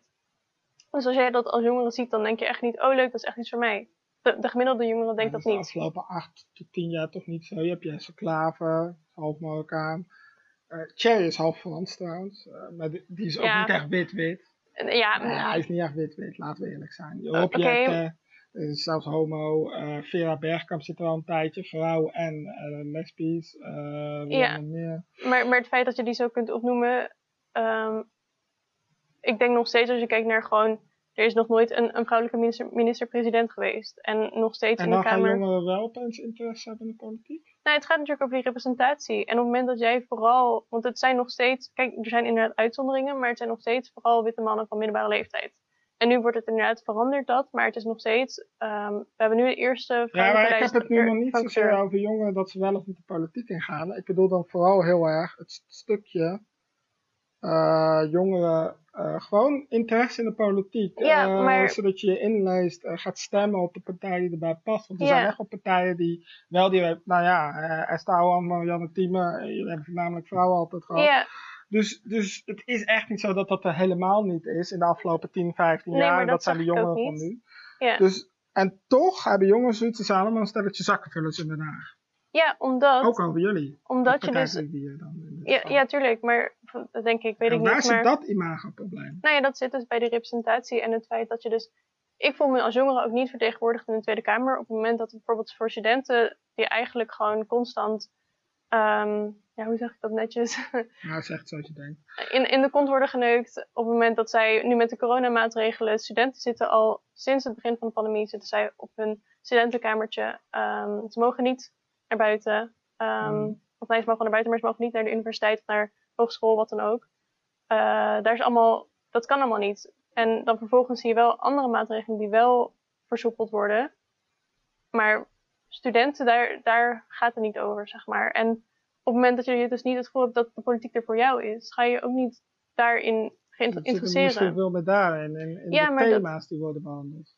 Dat het heel erg gaat over thema's voor ouderen en veel minder over thema's voor jongeren. Nou, ik denk niet dat het gaat over thema's voor ouderen. Het gaat vooral over de economie en over ehm groei van de economie. Ehm, dat is inderdaad één ding, de thema's. Maar ik denk ook dat de mensen die de thema's bespreken zijn ook niet per se... Mark Rutte is voor mij niet een persoon die, waarvan ik dan denk... Oh leuk, dan ga ik me echt in politiek maar verdiepen. ligt het aan het feit dat hij, eh, hij is nu, meen ik, 46, zeg ik uit mijn hoofd. Zoiets. Eh, of ligt het aan het feit dat ehm, je het gevoel krijgt dat hij niet weet wat er speelt? Dat is niet een of-of, denk ik. Dat zijn, het zijn allemaal factoren die meespelen. Het feit dat hij eh, een man is en ik een vrouw ben. Het feit dat hij... Nou, ik ben ook wit, dus eh, zeg maar voor mij is dat dan... eh, nee, maar ik bedoel, kijk, ik ben ding. 31, ik ben een man, eh, maar ik kan heel veel zeggen. Ik ga met heel veel jongeren om, ook 15, 16-jarigen. En op een of andere manier, eh, eh, als ik iets zeg, dan nemen ze het van me aan. Ik ga bij de hangplek zitten, alles. Terwijl ik, ik ben twee keer zo oud. Ja. Eh, eh, witte, donker, maakt niet uit, mannen, vrouwen, jongens, meiden. Eh, voor mij zit het niet per se in het getal, hoeft dat te zitten. Maar, Maar ik denk dan... jij zegt, het, is niet of of, het is en. Maar is het- Ja, maar jij neemt nu voor jezelf een, een heel erg specifiek Nee, voorbeeld. het is en een dat voorbeeld, maar zo ken ik ja. nog wel meer mensen. Ja, maar dat, dat is natuurlijk... meer wat ik bedoel. Zit het, zit het per se in het getal en hoe je eruit ziet?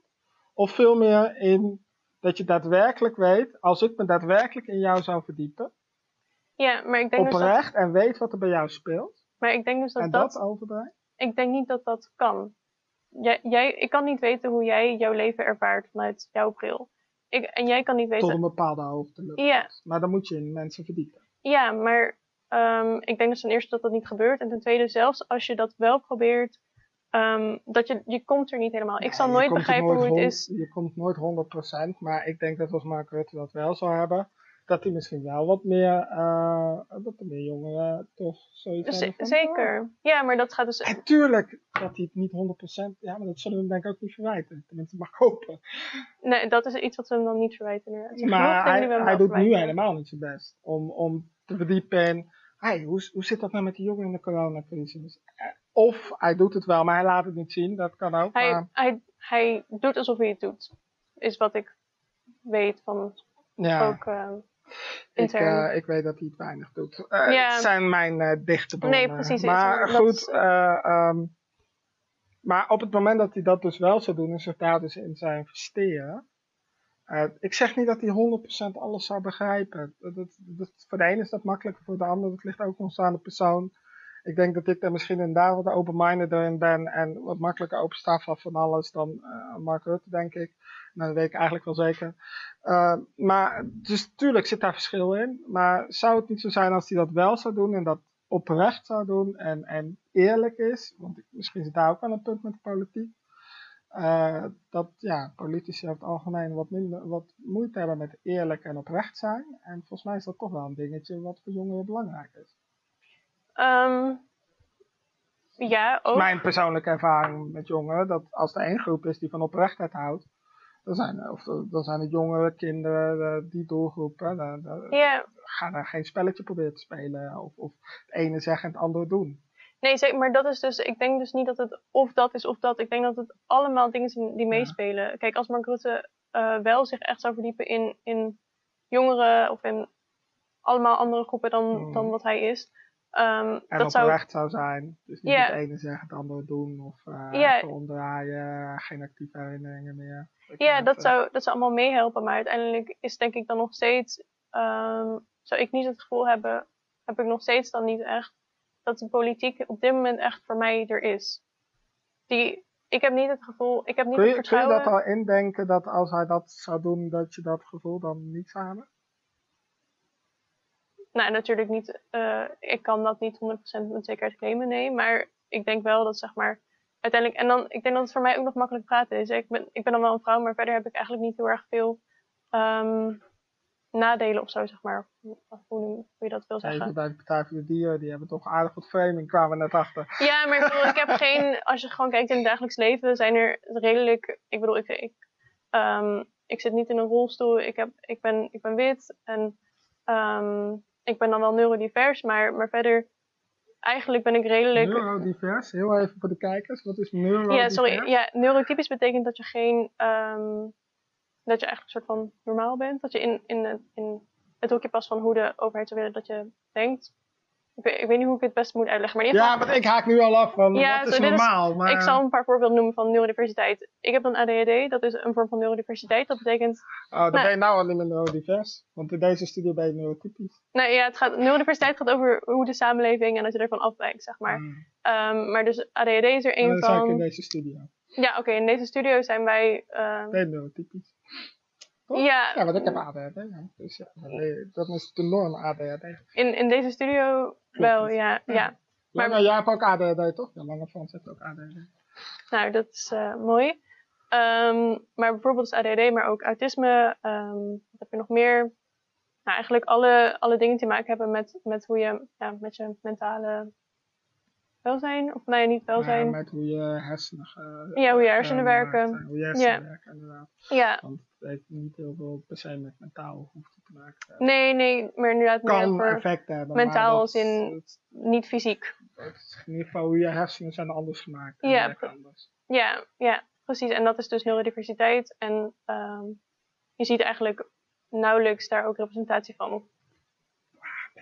Dat wil ik meteen even tegenspreken. Ik durf te zeggen dat op tv, politiek, in al die zichtbare beroepen, 99,9% van iedereen heeft ADHD. 100%. Geen twijfel over mogelijk. Zolang je daar ehm, geen, geen cijfers van hebt of zo, zeg maar, ik vind dat een beetje lastig om er dan op, Nee, in te gaan. als je puur naar de kenmerken kijkt en hoe ze handelen en hoe ze doen en ook bepaalde verslaafsgevoeligheden en gewoon echt alles. Ja, oké, maar dan nog steeds. Dan zie je dat en, en x aantal weet je het ook van natuurlijk. Ja, maar, je, x maar aantal weet je het niet zeker van. hoe vaak hoor je nou een politicus zeggen: Oh ja, ik heb ADHD of ik, ik heb autisme? Zeg maar, dat, zich ervoor. Ja, maar dat is, ik denk dan op het moment dat er open over gesproken zou worden, zou dat weer heel erg anders zijn.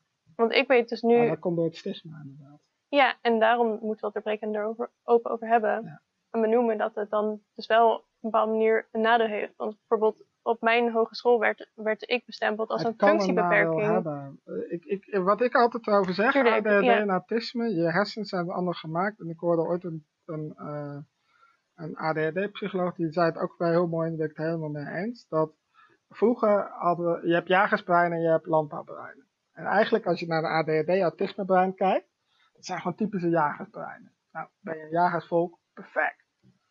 Nadels, we zijn een landbouwvolk geworden. Ja, Eh, er zijn nog steeds mensen met een jagersbrein. En dat is op zich niet erg. Alleen eh, in typische landbouwfuncties, eh, beroepen, opleidingen, gaat, kan dat veel fricties geven. Eh, dus het, het- we moeten denk ik af van het stukje van dat het een, een ziekte is, of een nee, dat- disorder is. Of, of, dat bedoel ik ook zeker niet. Zeg maar ik vind, en ik denk dan dat- gaan mensen er wel voor uitkomen. Ja, maar ik denk dus inderdaad, mijn ADHD is niet een, een beperking voor mij, maar het is natuurlijk wel zo. Het, Kan wel. Ja, maar wat, wat dan wel beperkend is voor mij, is dat het onderwijssysteem op een bepaalde manier is ingericht. Die dingen van mij verwacht, die voor mij eigenlijk niet haalbaar zijn. En op die manier is het wel een beperking. Maar dat komt niet door, ik vind ADHD, ik, ik heb daar Het geen is probleem soms ook mee. een superkracht. Zoals uh, Precies. Tour, die zei dat ooit is ADHD was. Eh, die zei, eh, we dwalen een beetje af, maar maakt niet uit. Eh, die zei ooit eens van, ehm, eh, if you master your ADHD, it will be your superpower. Ja. But if you don't, it will be the end of your life. En, en hij zette dat heel, heel, heel strak neer, maar hij heeft ergens wel een punt. Als jij het inderdaad eh, weet hoe ermee om te gaan en op de juiste plek je inzet in de maatschappij. Want sommige functies zijn ook gewoon niet voor ADHD'ers, laten we eerlijk zijn. Eh, joh, dan zou het je superkracht zijn en dan denken mensen echt van wauw, geweldig. Maar doe je het op de verkeerde manier, nou ja, ik, het beste voorbeeld vind ik toch onze Cherry, die, ja, ik durf te zeggen, ik durf echt te zeggen dat hij ADHD heeft. Ik zie namelijk heel veel van mezelf uit mijn jeugd in hem. Alleen, hij weet niet hoe ermee om te gaan. En wat krijg je dan vaak bij je ADHD? Is dan krijg je borderline dynamiek. Je hebt geen borderline, maar zo kan het overkomen. Nou, dat Cherry is daar het beste voorbeeld van. Ja, en ja, dat gaat niet goed aflopen als het op deze manier doorgaat. Dat is niet omdat hij een slecht mens is. Dat is niet omdat ADHD per se een ziekte is. Maar dat is gewoon omdat hij niet weet hoe ermee om te gaan. En dan, ja, dan krijg je wat we zien. Ja, ja. Nou ja, om, om Thierry even in het midden te laten, denk ik wel dat het dus op het moment dat, dat jij moet leren hoe je omgaat met, met de stoornis, om het even Nou te ja, noemen. niet zozeer met je stoornis. Iedereen moet leren omgaan met zichzelf. Ja, ja, maar natuurlijk heb je dan op dat moment als een bepaald. Kijk, het onderwijssysteem op dit moment, dat is een, een hele andere discussie, maar dat werkt niet voor iedereen. En ehm, ik denk dat daar eerder het probleem zit, omdat het zit bij het feit dat ik ADD heb. Dat ik, Nee, nee, nee, moet- maar het probleem is ook niet dat jij ADHD hebt. Dat is niet wat ik bedoel. Nee, oh nee, dat, dat bedoel ik ook niet. Het, het probleem is alleen dat wij in een samenleving leven waar we meteen zeggen het is een ziekte, dus je moet medicatie krijgen. Nou ben ik niet tegen medicatie per se. Maar dat zie ik meer als een paracetamolletje. We moeten naar een maatschappij, los van of je het onderwijssysteem omgooit voor over het algemeen toch minder mensen. Dat kan, dat, daar wil ik, ik zeg niet dat ik tegen ben, maar dat is een tweede. Maar wat wel moet gebeuren is, eh, en dat is die systeemverandering als we toch maar rond gaan maken, denk ik, dat we kinderen die ADHD hebben of een ADHD-brein hebben of een autisme-brein, dat binnen hetzelfde spectrum valt, leren hoe ga je nou met jezelf om binnen een maatschappij waarin de meerderheid een ander type brein heeft. Zodat je wel de voordelen hebt van je ADHD of autisme, want het heeft heel veel voordelen. En zo min mogelijk last van de nadelen. En dat je wel eens een keer op een hele drukke dag dan eens een, een, een medicatietje pakt, zoals je een paracetamol pakt. Ik heb ook die medicatie, ik kan hem zo drie dagen overslaan, geen probleem. Prima, want dat heeft iedereen wel eens. Maar dat we niet meteen naar die medicatie gaan, maar leren hoe ga je om met jezelf, zodat je wel de voordelen hebt. Maar ze hebben echt last van de nadelen. Oh, misschien moet ik niet dat beroep gaan doen, maar moet ik dat beroep gaan doen, dat past beter. Of moet Ja. ik niet die opleiding gaan doen, maar die opleiding. Etcetera, etcetera. Ja, ja. Dus ja. daarom zeg ik, ADHD is niet het probleem. Nee, maar, maar wat dan wat ik probeer te zeggen is dat eigenlijk het onderwijs is er niet eh, is er voor ons. Wij zijn er niet voor het onderwijs. Dus het onderwijs zou zich moeten aanpassen aan ons in plaats van wij- dat wij ons moeten aanpassen aan het onderwijs. Klopt, maar ik snap wel dat als, in principe zijn wij daar in de minderheid. Dus Ja, en- ben jij dan- ook deel van een minderheid. En, en dat bedoel en dan ik dus snap dat. ik dat je als je als docent 30 leerlingen hebt, dat dat best lastig is om alles om te zetten naar die ene, terwijl 29 op dat landbouwbrein zitten. Ik zeg maar even Ja. Ik zeg niet dat dit de aantallen zijn, maar het voorbeeld. Uh, dus dat, dat, daarom zeg ik los even van het onderwijssysteem, maar als je alleen al ouders thuis toerust op de juiste manier van, hé, hey, hey, je ziet je kind ADHD heeft, dat betekent dit en dit. En dat in plaats van een dokter zegt, het is ziek, we moeten, we moeten medicatie. Nee, je krijgt een cursus, hoe kun je je kind nou leren om daar op een gezonde manier, ondanks dat het onderwijssysteem misschien niet verandert. Het zou geweldig zijn als het verandert. Uh, maar ook als het niet verandert, kan je nog steeds met je ADHD succesvol zijn op jouw manier hoe jij succes ziet. Ja, kan. Ja, dat, maar dat je dus die tips alsnog meekrijgt uh, vanuit je opvoeding, vanuit de dokters. Want dat zijn wel meer op het individu gericht. Ja. Het onderwijs wordt meer groeps. Ja, maar ik denk wat je zegt van een, een klas met 30 leerlingen. Um, als, we, als het, we het hebben over systeemverandering, dan is dat natuurlijk, dat hele systeem van een klas met 30 leerlingen hoeft er dan ook niet meer te zijn. Dat, nee, ik ben het helemaal met je eens. Dus dan kun je ook het systeem zo in, het maar onderwijs dat is wel lange inrichten. termijn. Daar heeft de jongen die nu zitten kijken of minder aan, denk ik. Ja, maar het is wel goed om daar bewust van te zijn. Klopt. Het is, eh, ik denk dat, natuurlijk, ik heb er ook niet meer zoveel aan dat, dat ik dan probeer um, met de, bijvoorbeeld schuldenvrij afstuderen, daar heb ik niks meer aan, want ik ben al afgestudeerd, ik heb al een schuld. Um, maar nog steeds is het heel erg belangrijk dat ik me één er bewust van ben dat het oneerlijk is hoe het nu is gegaan. Dat is ook weer een discussie, andere discussie. Uh, en maar twee ook. twee weken gedaan, dus laten we dat Ja, nee, ik hoef het die discussie ook niet in te gaan, maar in ieder geval het is goed om je daar bewust van te zijn en ook om te proberen dat het voor jouw opvolgers of de, de, mensen die naar mij komen, dat, dat het dan wel eerlijker gaat. Ja. Het gaat niet alleen om mijzelf. Maar systeemverandering betekent toch ook dat iedereen, en dan gaan we denken richting afsluiting, uh, dat iedereen voor zichzelf, stel, kijk, om een voorbeeld te geven, hè, mijn moeder, in de tijd dat ik opgroeide, ADD, dat kennen we dan niet, en uh, je was gewoon druk, weet je wel dat. Ja. Uh, en daar heeft ze natuurlijk een bepaalde opvoeding opgegooid, en dat heeft, daar heb ik ook echt wel dingen van geleerd, en ik hou van mijn moeder, en mijn, mijn moeder ontzettend dankbaar, maar dat heeft ook nadelen gehad. Ik heb nu een dochtertje van vijf, die, nou, dat is, die heeft ook het ADHD-brein. Ik bedoel, is twee druppels vader. Uh, maar kijk, tuurlijk, ik kan dat niet meer veranderen. En ik kan natuurlijk zeggen, hey, het systeem moet anders, het onderwijssysteem. En, en dat vind ik ergens ook wel. Alleen het punt is, daar heb ik geen invloed op. Mm, nou, nee, tenzij ik in de Tweede Kamer kom. Maar op dit moment heb ik daar niet veel. Maar waar ik wel invloed op heb, want dat wil niet zeggen, omdat ik daar geen invloed op heb, dat ik geen verandering kan bijdragen. Ja, dat, ja. En voor mij betekent dat bijvoorbeeld, en mijn dochter is een voorbeeld, maar zo geldt natuurlijk ook naar andere mensen die ik tegenkom, maar mijn dochter is het meest directe, dat ik haar een ander type opvoeding geef, waardoor zij, ook, waardoor ik haar ook heel erg leer hoe, hoe zij met haar ADD kan Ja. omgaan. En zodat ze de vruchten ervan kan plukken. Ja. En dit is dan inderdaad op hele kleine schaal bij één persoon, maar dat gaat ook voor je omgeving, je paar mensen. En dat is wat ik bedoel van, los van of het systeem in zijn grootheid in één keer verandert, want dat zou het mooiste zijn, schakeltje om en het verandert. Kun je natuurlijk hem ook omdraaien. Als we toch over systeemverandering hebben, denk ik dat dat veel meer gaat doordat jij weet, oké, deze problemen ben ik tegengekomen, maar ik ga aan, oh, ik heb drie vriendinnen die, of drie zusjes, die hebben ook ADHD, die ga ik leren hoe ze dat op een andere manier, zodat ze niet mijn probleem hoeven tegen te komen en succes te halen. Dan heb je misschien met drie mensen veranderd. Maar als iedereen dat doet, Ja, stel dat 100, ik bedoel, nou ja, eh, geloof, of nou Mohammed is of nou Jezus is, dat waren 7 of 12 mensen. Je kunt erin geloven of niet, maar die hebben wel de wereld veranderd. ja. Nee, dat... Ten goede of ten slechte, dat is aan ieder thuis, mag het zelf bepalen. Ja. Maar iedereen heeft dat, ze hebben dat wel met maar 12 of respectievelijk 12 of 7 mensen gedaan. Ja, ja. En ik denk dat dat misschien, ja, de uitdaging misschien dan heel erg, eh, misschien doen jullie dat al, is voor Pink, voor Partij Dieren. Ja, en ik, maar ik denk dus ook niet dat het of-of is. Natuurlijk, kijk, mijn moeder heeft, eh, en mijn vader ook heb- hebben mij natuurlijk allebei opgevoed op een bepaalde manier. Ehm, en bij mij, op mijn vijftiende wist ik dat ik ADHD had, dus dat is redelijk vroeg nog volgens mij. Ehm, maar aan de ene kant zeiden ze dus van, ja, dit zijn manieren hoe jij dit anders kan doen. En hebben me geholpen bij hoe, ik, hoe ga je om met je ADHD. En tegelijkertijd hebben ze ook gezegd, ja, maar het feit dat jij je nu moet aanpassen, is natuurlijk wel een fout van het systeem. En ik denk dus dat het dan meer erover gaat dat je inderdaad, je pas je nu aan omdat het systeem zo is, maar tegelijkertijd kun je er ook bewust van zijn. ehm, het is niet eerlijk dat het zo gaat en het zou anders moeten.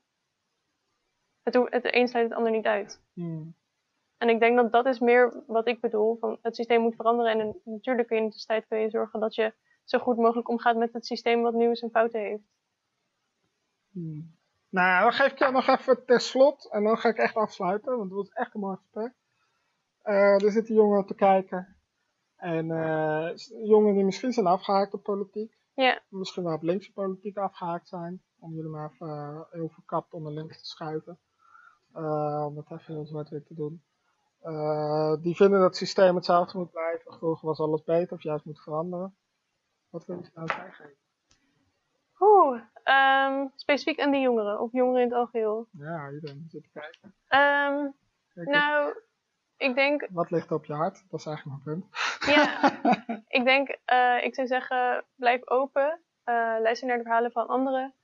Uh, en tegelijkertijd ook geef jezelf de ruimte. En um, kijk, politiek is, is iets heel erg engs. En um, ik heb het zelf altijd ingevonden om, om überhaupt publiek, publiekelijk te spreken. Daar ga ik al. Um, maar toch denk ik, dat is ook oké. Okay. En uh, het is allemaal maar een, een, een soort van een leerproces. En, en geef jezelf ook die ruimte om die fouten te maken. En, en om dingen uit te proberen. En om dan uiteindelijk wel te groeien. Ondanks um, de angsten die je hebt. Ik vind het echt uh, heel mooi. Dankjewel. Ik, uh, ja, echt. Ik vind het een hele mooie afsluiter van uh, deze derde aflevering in deze serie. Ik, ik, sluit er nog even bij aan van over moeilijk sprekend publiek. Mensen zien mij heel veel praten, maar ik heb tot mijn zestiende gestotterd over elke letter. Dus zo zie je maar, als je ergens voor gaat, ga er ook volledig voor. En dan durf ik te zeggen dat je het gaat bereiken niet altijd op de manier uh, hoe je wil en de rechte weg, soms met pochtjes, maar je gaat bereiken. Volgende week zijn wij er eventjes niet. Dankjewel trouwens Xenia voor dit uh, prachtige gesprek. Graag gedaan. Uh, want volgende week is het een speciale aflevering van Talkshow Ricardo Maatschappij en Praktijk. Dan een klimaatdebat van Hans Laboom, de klimaatadviseur van Thierry Baudet en iemand van GroenLinks. En over twee weken zijn wij er weer. En dan hebben we nog drie afleveringen voor de zomerstop. Voor nu zou ik zeggen, dankjewel voor het kijken. Tot volgende week met een speciale aflevering. Nou, eigenlijk over twee weken. En voor nu.